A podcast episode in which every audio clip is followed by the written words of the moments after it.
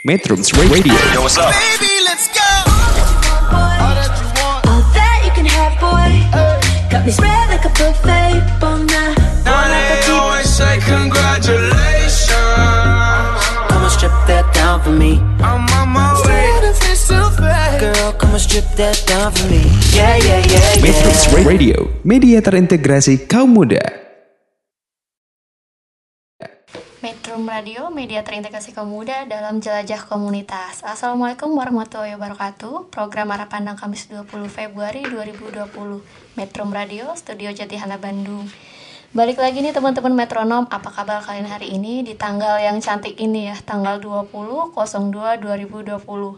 Sebelumnya saya mau ngucapin dulu, eh, kemarin sempat 14 Februari yaitu Hari Kasih Sayang ya. Beberapa peradaban ada di sekitar kita menganggap hari tersebut bukanlah budaya kita jadi tidak perlu dirayakan.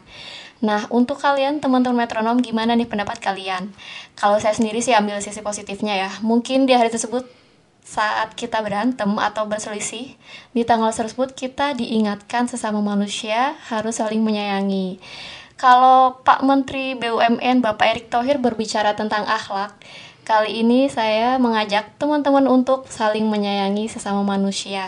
Dengan begitu, kita akan bersama-sama mewujudkan dunia yang lebih baik lagi. Tapi kita nggak akan bahas itu ya teman-teman ya.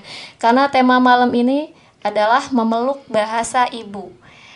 Yang besok tanggal 21 Februari kita semua akan memperingati Hari Bahasa Ibu Internasional.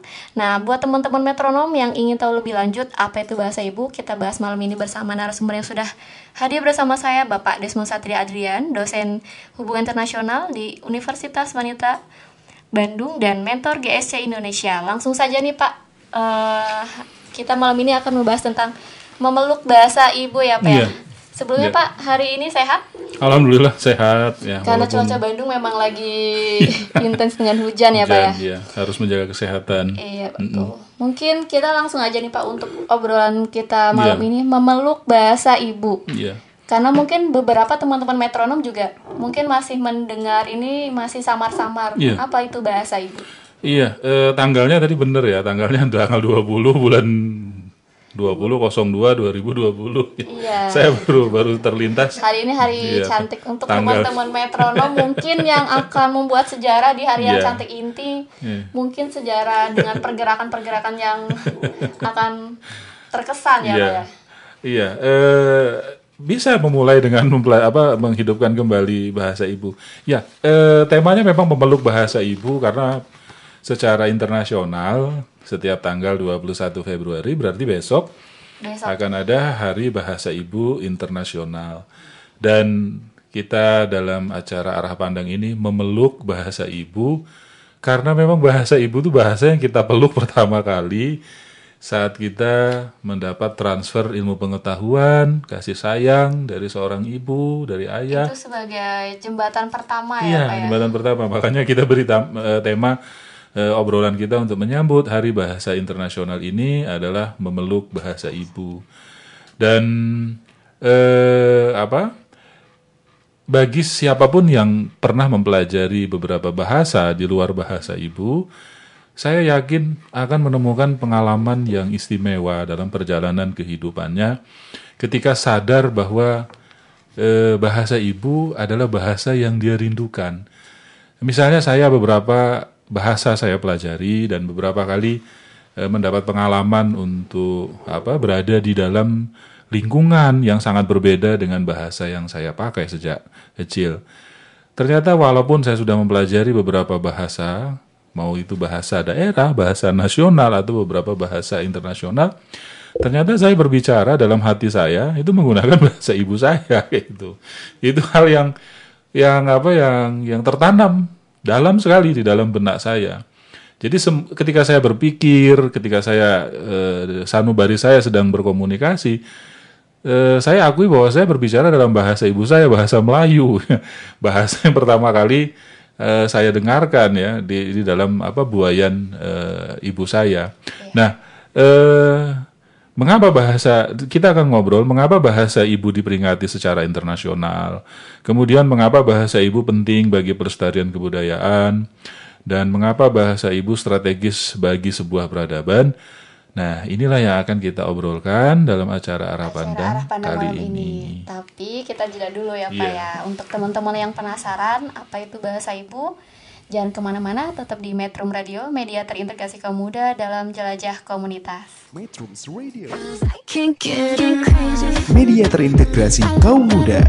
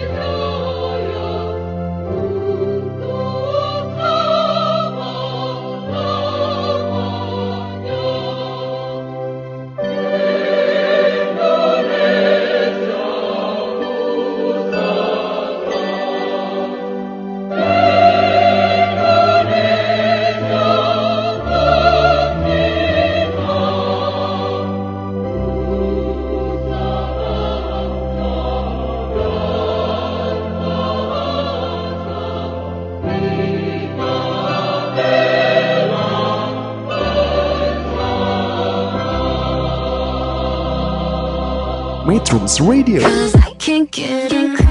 Metrums Radio. Media terintegrasi kaum muda. Metro Radio, media terintegrasi kaum muda dalam jelajah komunitas. Balik lagi nih kita masih di program arah pandang. Kita akan lanjut kembali pembahasan memeluk bahasa ibu. Dan tema ini cukup hangat untuk dibahas di tengah cuaca yang dingin ini ya teman-teman metronom. Nah kita kembali lagi nih Pak, sebetulnya bagaimana sejarah bahasa ibu Iya. sendiri sampai ada hari peringatan untuk bahasa ibu? Iya, eh, kita mengalihkan pandangan ke sekitar tahun 1945 sampai 1950. Ada wilayah di Asia Selatan yang dijajah oleh Inggris dulunya. Daerah ini eh, sebenarnya membentang dari Asia Tenggara sampai ke Asia Selatan. Dari Myanmar, dulu namanya Burma, ke Bangladesh, ke India, lalu sampai ke Pakistan. Ini semua dulu adalah wilayah jajahan Inggris. Setelah proklamasi kemerdekaan Indonesia Agustus 1945, banyak yang kemudian turut memproklamasikan kemerdekaan, termasuk India.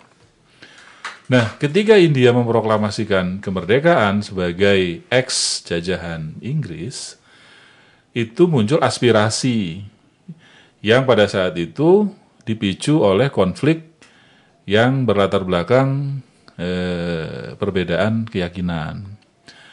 Nah, eh, konflik ini berujung kepada pemisahan antara India dengan Pakistan.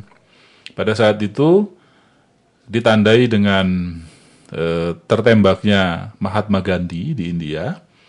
Kemudian setelah itu eh, para pemeluk eh, Islam itu bergeser pindah ke daerah yang disebut Pakistan sekarang. Jadi lahirlah negara Pakistan. Setelah India lahir, terjadi konflik berlatar belakang keyakinan, kemudian eh, pemeluk Islamnya pindah ke eh, daerah barat India jadi Pakistan. Nah ternyata ada yang di timur. di timur itu Pakistan juga, di daerah yang sekarang disebut Bangladesh. Gitu dulu awal ceritanya. Nah, pada tahun 1948 ya, salah satu pendiri eh, Pakistan namanya Muhammad Ali Jinnah itu mengumumkan bahasa resmi Pakistan adalah bahasa Urdu. Sementara orang Pakistan yang tinggal di Pakistan Timur adalah orang-orang Bangla yang menggunakan bahasa Bangli, gitu ya, orang-orang Bangli, ya, e, warga Bangla yang menggunakan bahasa Bangli yang sekarang menjadi negara Bangladesh. Mereka nggak terima. Kenapa? Karena eh, ya mereka biar aja pakai bahasa ibunya yaitu bahasa Bangla gitu ya. Eh, kenapa harus pakai bahasa Urdu? Karena mereka nggak bisa bahasa Urdu gitu. Jadi kalau teman-teman membayangkan para pendengar, jadi ada tiga wilayah yang tadinya satu sebenarnya dari Myanmar, Bangladesh, India bergerak sampai ke arah barat Pakistan. Ini dulu dijajah Inggris. Kemudian eh, merdeka, India dulu, Myanmar juga lepas. Nah, India kemudian terpecah menjadi tiga. Di bagian barat jadi Pakistan, di bagian timur Pakistan juga. Pakistan Timur ini adalah orang-orang Bangla, yang Pakistan Barat adalah orang-orang yang menggunakan bahasa Urdu. Itu. Nah, penolakan itu berkepanjangan sampai tahun 1952 dan bahkan memicu kerusuhan dan memakan korban jiwa. Karena mungkin dideklarasikan tanpa negosiasi mungkin tanpa Bisa jadi. musyawarah. Betul. Nah, kalau kayak gini kan eh, saya teringat eh, apa yang disampaikan oleh Bapak Tiar Anwar Bahtiar, salah seorang intelektual Islam yang pernah menyampaikan ini di Museum Konferensi Asia Afrika beberapa tahun yang lalu, udah lama sekali. Saya ingat sekali pernyataan beliau, modal terbesar bangsa Indonesia pada saat memproklamasikan kemerdekaan adalah sudah mempunyai bahasa nasional, yaitu bahasa Indonesia. Bahasa Indonesia ya. Bayangkan coba Mbak Dian ya, ketika Karena merdeka, bahasa di negara bahasa ibu di Indonesia ini cukup banyak banyak sekali, sekali, ya. kan. Tapi kan pada saat itu kita sepakat bahasa Indonesia, bahkan bahasa, Indonesia persatuan.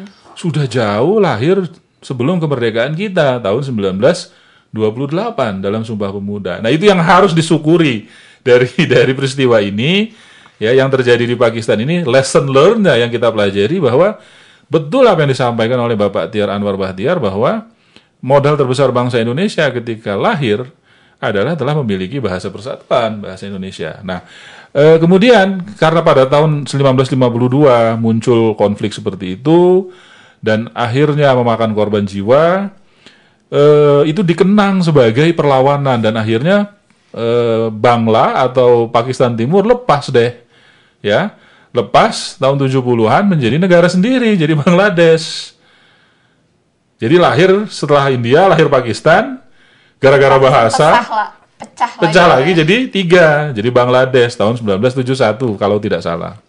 Nah, Dan itu faktornya adalah bahasa. Bahasa. Ya, bayangkan nanti kalau Indonesia bahasa ibunya Mbak Dian sama bahasa ibunya saya jauh sekali berbeda, jauh sekali. ya. Dan eh, apa?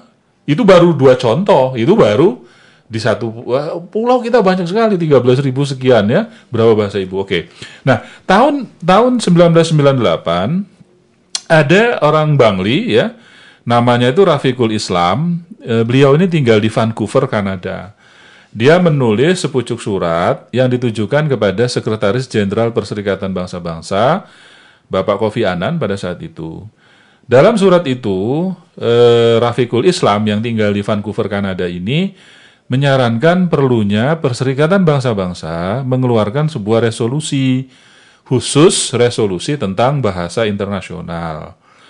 Untuk apa tujuannya? Untuk mengambil langkah menyelamatkan bahasa dunia dari ancaman kepunahan. Dan perlu juga langsung dideklarasikan menjadi Hari Bahasa Ibu Internasional atau disebut kemudian International Mother Language Day. Dan jadi ini diusulkan oleh seorang Bangli yang namanya Rafiqul Islam yang sudah tinggal di Vancouver, Kanada. Dia berkaca dari peristiwa yang terjadi di negerinya sendiri, ya, eh, pasca kemerdekaan India dan Pakistan. Nah, eh, surat ini kemudian ditanggapi positif oleh PBB Karena pada tahun eh, pada bulan November 1999 UNESCO, salah satu badan Perserikatan Bangsa-Bangsa, akhirnya menetapkan tanggal 21 Februari sebagai Hari Bahasa Ibu Internasional. Nah, kenapa ditetapkan pada tanggal 21 Februari? Karena pada tanggal tersebut terjadi yang tadi kerusuhan, konflik, eh, termasuk ada apa ya eh, korban jiwa ya di tahun 1952 yang memperjuangkan bahasa Bangli di Dhaka, Bangladesh. Ya, jadi tanggal itulah yang diabadikan menjadi bahas- Hari Bahasa Ibu Internasional. Internasional. Panjang ya? Dan memang belajar dari sejarah sekali ya Pak. Iya, iya. Eh, saya juga baru tahu sebenarnya pada saat beberapa tahun yang lalu Hari Bahasa Ibu diperingati dan saya mencari tahu salah satu narasumbernya itu mengatakan bahwa bahasa ibu karena pada saat itu ada konferensi bahasa Sunda di Gedung Merdeka. Nah, saya baru tahunya di sana ada Pak Ayub Rosidi waktu itu datang. Nah, beliau menuturkan betapa pentingnya bahasa ibu dari situ. Saya juga belum terlalu lama tahu ya kan juga baru resminya kan tahun 2000 ya. Nah, kemudian pada tanggal 21 Februari 2000, Hari Bahasa Ibu Internasional baru mulai diperingati pertama kali. Berarti sekarang sudah berapa tahun, Mbak Dian? Berarti 20 tahun Pak. 20 tahun ya. Dan memberi banyak sekali pelajaran buat kita tentang mempertahankan bahasa ibu. Nah, kemudian tahun 2009, Majelis Umum PBB eh, meminta negara-negara anggotanya untuk mempromosikan semua bahasa yang digunakan oleh orang-orang di dunia. Saya jadi teringat dulu pada saat eh, kuliah ya di sebuah perguruan tinggi, eh, salah satu dosen saya itu menjuluki saya poliglo. Poliglo itu adalah individu yang menguasai banyak beberapa bahasa.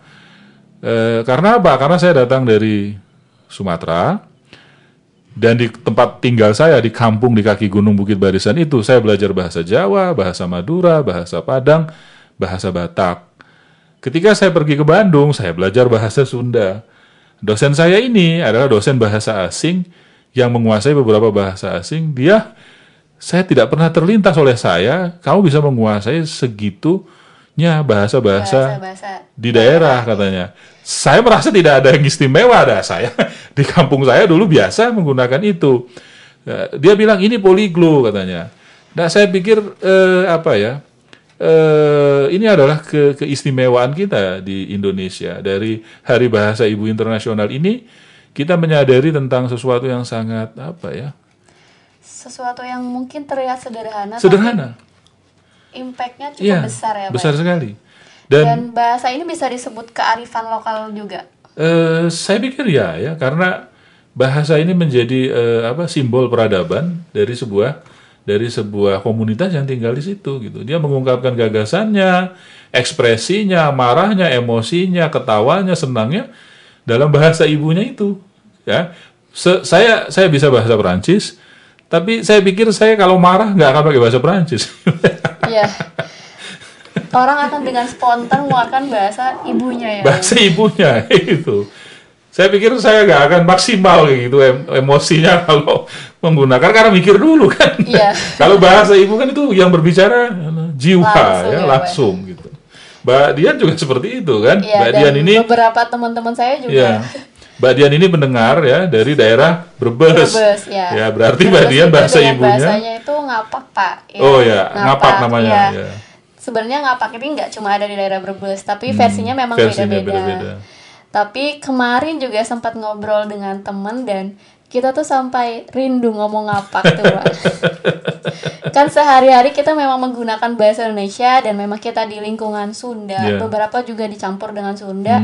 Tapi kita tetap rindu bahasa ngapak. Iya, iya, iya. Oke, Karena itu bahasa ibunya Mbak Dian. ya. Mungkin skip sampai sini dulu Iya, aja betul. mengenai sejarah, teman-teman itu dia dari lahirnya peringatan bahasa ibu dan tentunya ini nggak cuma sekedar diperingati. Kita akan bahas lebih lanjut setelah yang satu ini Metro Radio, media terintegrasi kaum muda dalam jelajah komunitas. Media terintegrasi kaum muda.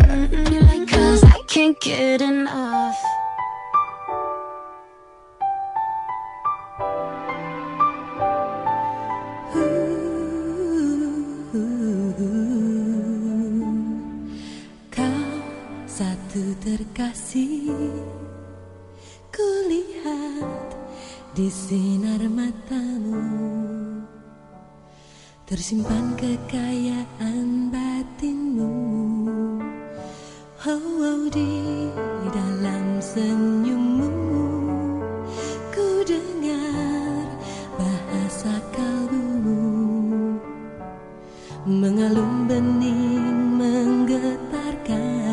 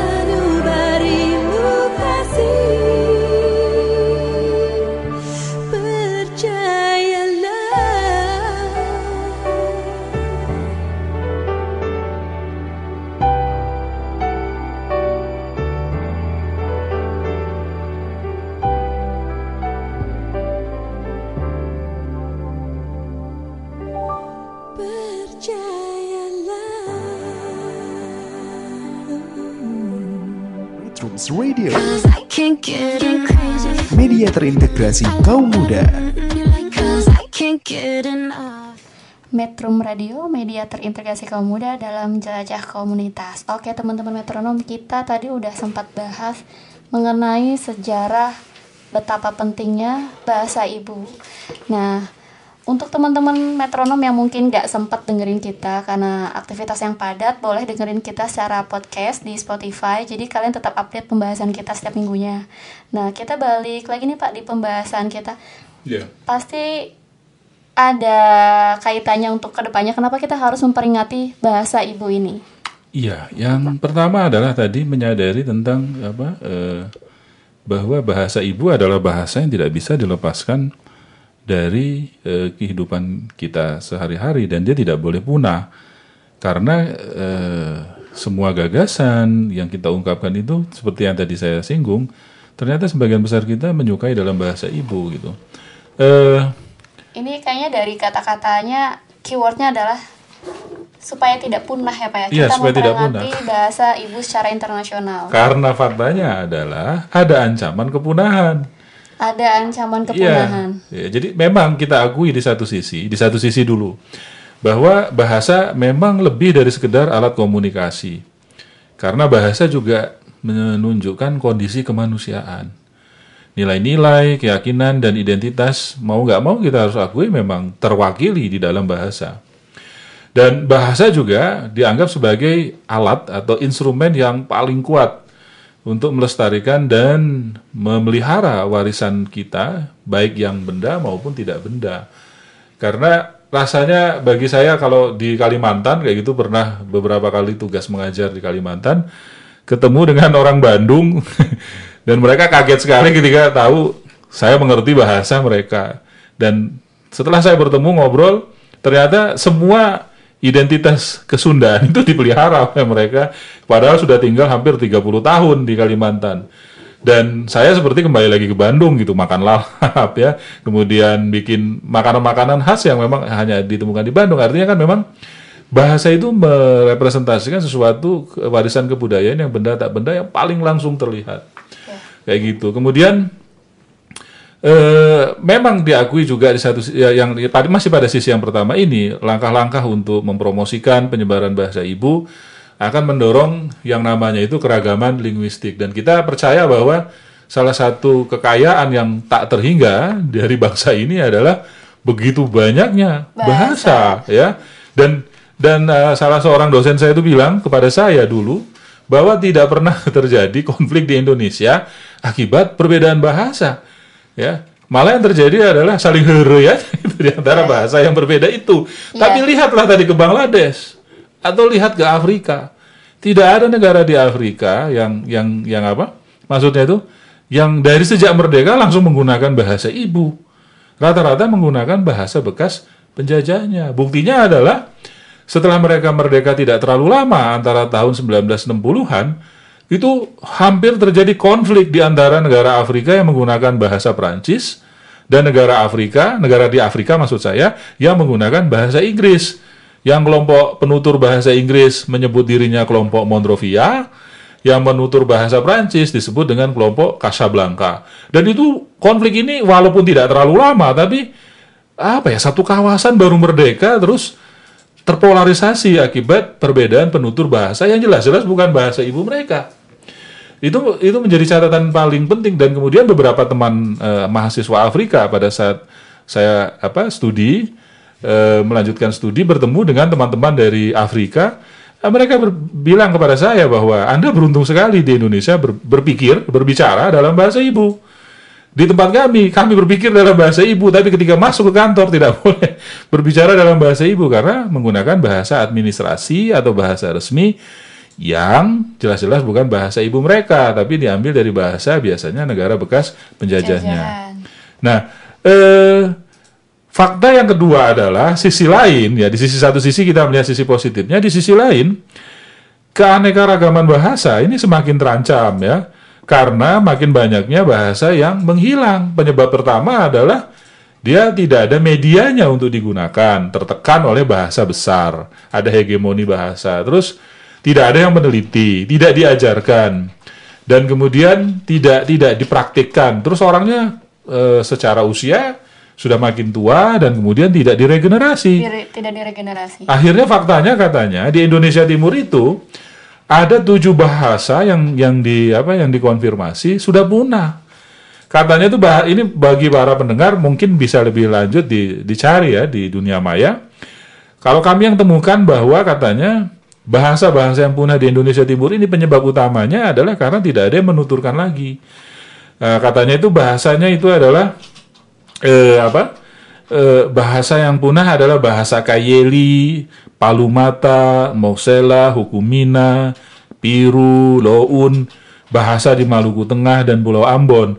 Padahal Indonesia Timur ini sangat kaya sekali dengan keragaman bahasa dan katanya eh, apa menjadi semacam eh, memiliki bahasa daerah terbanyak setelah Papua New Guinea karena memang katanya Papua New Guinea itu banyak sekali bahasa bahasa daerahnya. Mungkin karena tadi di garis bawahi tidak dipraktekkan, tidak ada media. Terus Iya. mungkin dari beberapa contoh itu adalah eh, pemuda di sana rata-rata itu merantau ya Pak ya. Bisa jadi seperti itu. Seperti halnya banyak sekali mahasiswa di Bandung yang berasal dari eh, pulau yang berbeda sekali, Iya, provinsinya sangat jauh gitu. Di kampus kita kan itu banyak sekali yang Iya, ya, betul, iya. Saya sampai ngajar tuh itu eh, apa beberapa mahasiswa itu mahasiswi ya. Itu eh, dengan saya suka latihan bahasa bahasa Papua gitu ya karena mereka berasal dari Papua. Papua, Jadi kelas iya. itu jadi riuh rendah Iya. dan menyenangkan gitu karena apa? ada karena yang Papua, ada yang ada yang Papua, saya dari Melayu kayak bahasa gitu. ibunya. Bahasa ibunya. Tapi kita senang sampai pelajaran selesai, bahkan ketemu lagi kita janjian. Eh, nanti kita kalau ketemu lagi pakai bahasa ibu ya gimana katanya. gitu? Jadi eh, tapi faktanya adalah tujuh sudah hilang dan upayanya dianggap tidak maksimal yang telah dilakukan selama ini. Yang paling eh, katanya faktor dominan yang paling mempengaruhi adalah dia tidak dipraktekkan, tidak diwariskan, tidak diregenerasikan dan tidak terdokumentasikan. Tidak kalau- terdokumentasikan. Iya. Sekarang kalau misalnya terdokumentasikan, kalau tidak di, tidak di, tidak dipraktekkan, ya tidak ada regenerasi kan.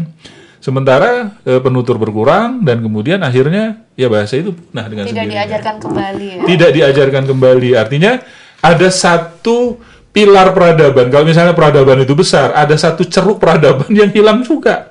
Kan bahasa ibu itu menjadi apa ya? Eh, Biasanya ada nilai-nilai yang Iya. terkandung di dalamnya. Jadi hilang juga nilai-nilai nilai juga itu. ikut hilang iya. ya. Dan ini kan eh, mengerikan sebenarnya ya kalau sampai berarti kekayaan Indonesia dulu yang disebut oleh Bung Karno sebagai apa eh, suku bangsa kan Bang Bung Karno punya konsep kebangsaan dan suku bangsa gitu. Suku bangsa ini kan ditopang oleh bahasa. Kalau bahasanya hilang ya berarti suku bangsanya juga hilang. Berarti kan akan berkurang kekayaan eh, apa ke ya kekhasan yang paling nyata dari Indonesia. Oke, Ya, ini memang eh, sesuatu yang kalau eh, pendengar Mbak Dian juga pasti polemik ya. Iya. Ini kan salah satu dampaknya adalah akibat globalisasi dan modernisasi. globalisasi. Ya, sekarang kan rasanya kita nggak merasa apa ya eh, kurang keren kalau misalnya Bahasa Inggris Pak. tidak menguasai salah satu bahasa internasional kayak gitu. Akhirnya menganggap bahasa ibu Bahkan menjadi beberapa patokan untuk masuk ke jenjang Iya. yang diinginkan. Iya gitu. Eh, ya seperti itu ya. Jadi eh, ada, saya pikir ada faktor eksternal dan faktor internal. Faktor internalnya adalah regenerasinya tidak berlanjut. Faktor eksternalnya adalah ini dampak dari modernisasi yang tidak terelakkan, gitu ya. Ada mewajibkan bahasa salah satu bahasa internasional dianggap sebagai bahasa lingua franca dan kalau tidak bergabung ya kita akan tertinggal di dalam modernisasi itu sehingga ini memicu eh, salah satunya diduga adalah orang tidak berminat lagi untuk mempelajari bahasa ibu atau meneliti bahasa ibu, mendokumentasikan bahasa ibu. Padahal baru-baru ini saya mendapat informasi dari salah seorang rekan yang baru menyelesaikan studi di luar negeri mengatakan bahwa para ahli linguis ya itu sangat eh, apa ya membanggakan bahasa Indonesia dengan kekayaan bahasa ibunya. Dengan kekayaan bahasa ibunya Iya. dan tentunya kita rukun ya Pak ya. itu ya. Dengan bahasa yang berbeda-beda sebagai kearifan lokal bangsa Iya. kita dan kita tetap rukun. Ya. Oke teman-teman metronom itu dia eh, bincang kita malam ini tentang bahasa dan ada lanjutannya lagi nih ya Pak ya teman-teman metronom. Untuk yang penasaran jangan ke mana-mana tetap di Metro Radio Media terintegrasi kaum muda dalam jelajah komunitas. I can't get enough. Media terintegrasi kaum muda.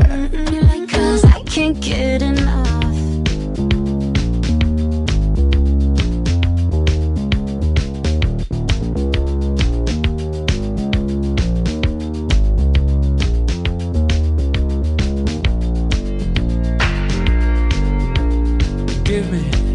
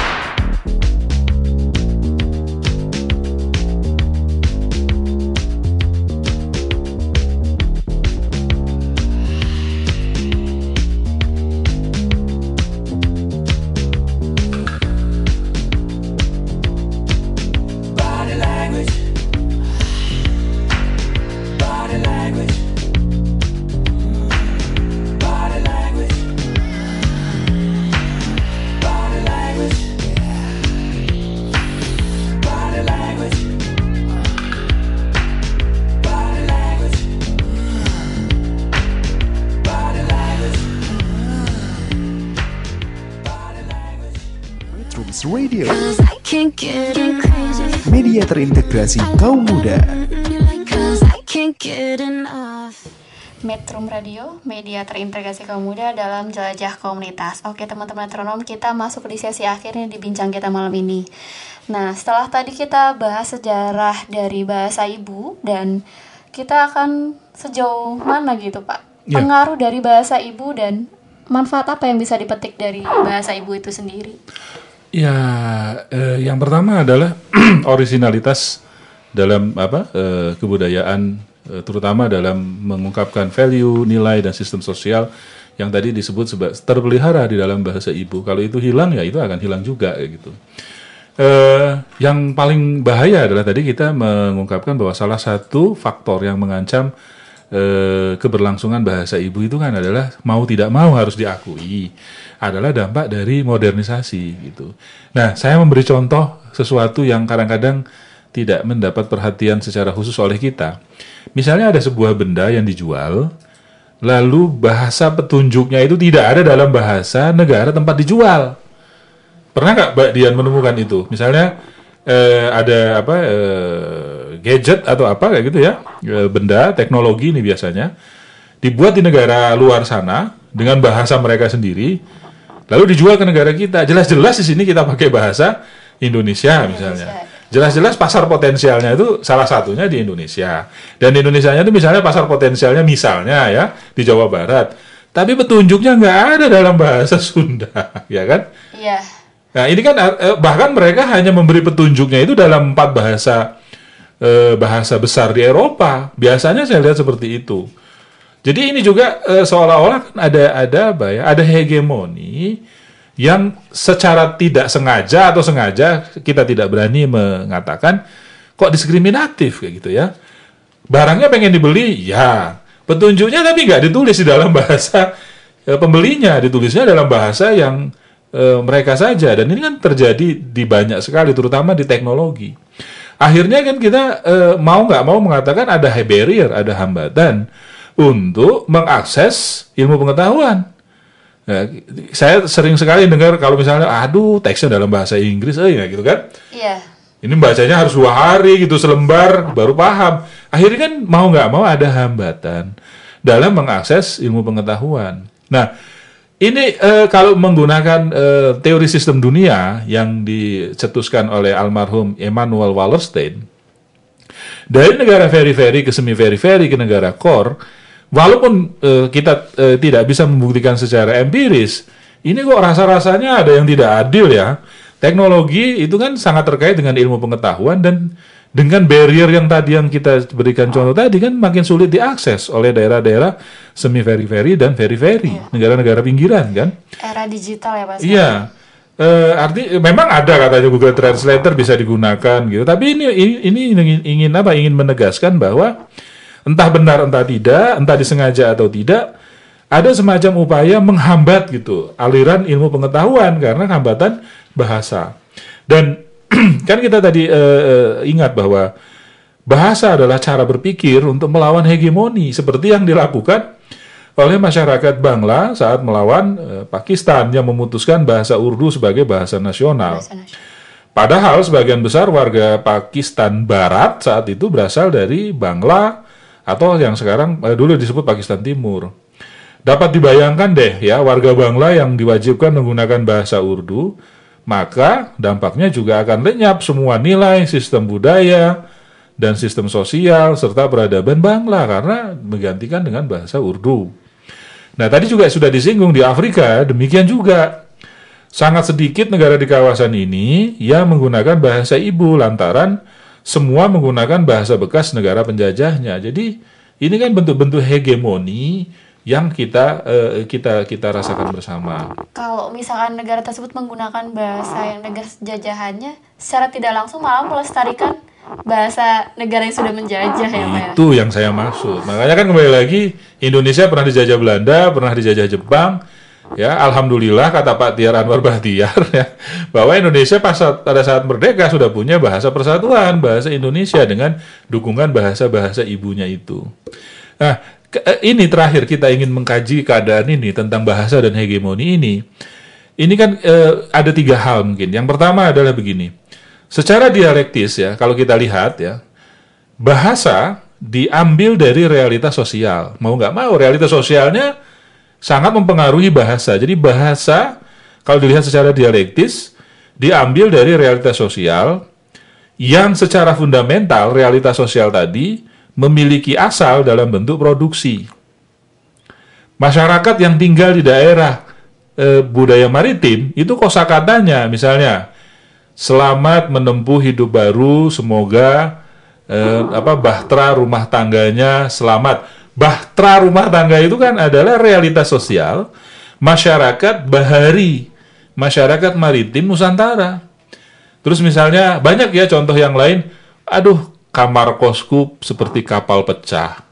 Iya betul. Ini kan realitas sosial, kapal pecah itu kan kapal pecah padahal dia tinggalnya di daerah agraris. Dia tinggalnya di Bandung yang jauh dari dari maritim ya, dari pelabuhan. dari- Tapi kan itu bukti bahwa realitas sosial ini mempengaruhi bahasa, ya. Dan katanya yang fundamental adalah dalam bentuk produksinya ya. Bentuk alat produksinya pada saat itu adalah kapal, jaring, perahu bercadik ya gitu kan. Lalu sentra produksinya ya laut yang luas itu ya terbentang dari Samudra Hindia sampai ke ke apa ke laut ya, Samudra apa Pasifik.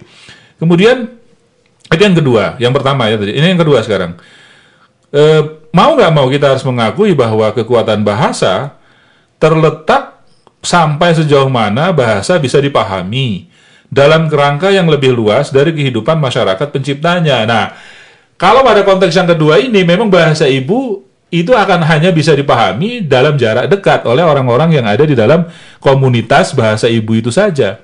Ketika dia kemudian keluar kan bahasa ibu itu eh, ada hambatan kalau menggunakan pendekatan yang kedua ini. Tapi kan kalau di Indonesia tidak masalah, ada bahasa Indonesia. Mungkin ini semacam eh, saya orang Jawa, saya menggunakan kata-kata yang Sunda tapi memang yang hanya digunakan pada saat-saat tertentu. Saya kurang merasakan emosinya karena memang saya nggak mengalami, Pak. Hmm. Nah, itu mungkin. Ya, mungkin Ya. semacam itu ya, Pak. Ya, itu juga hambatan katanya yang menyebabkan eh, salah satunya tadi hegemoni itu muncul, hegemoni dalam bahasa ya. Kemudian eh, yang ketiga yang terakhir adalah nilai penggunaan bahasa dalam kehidupan sosial ya.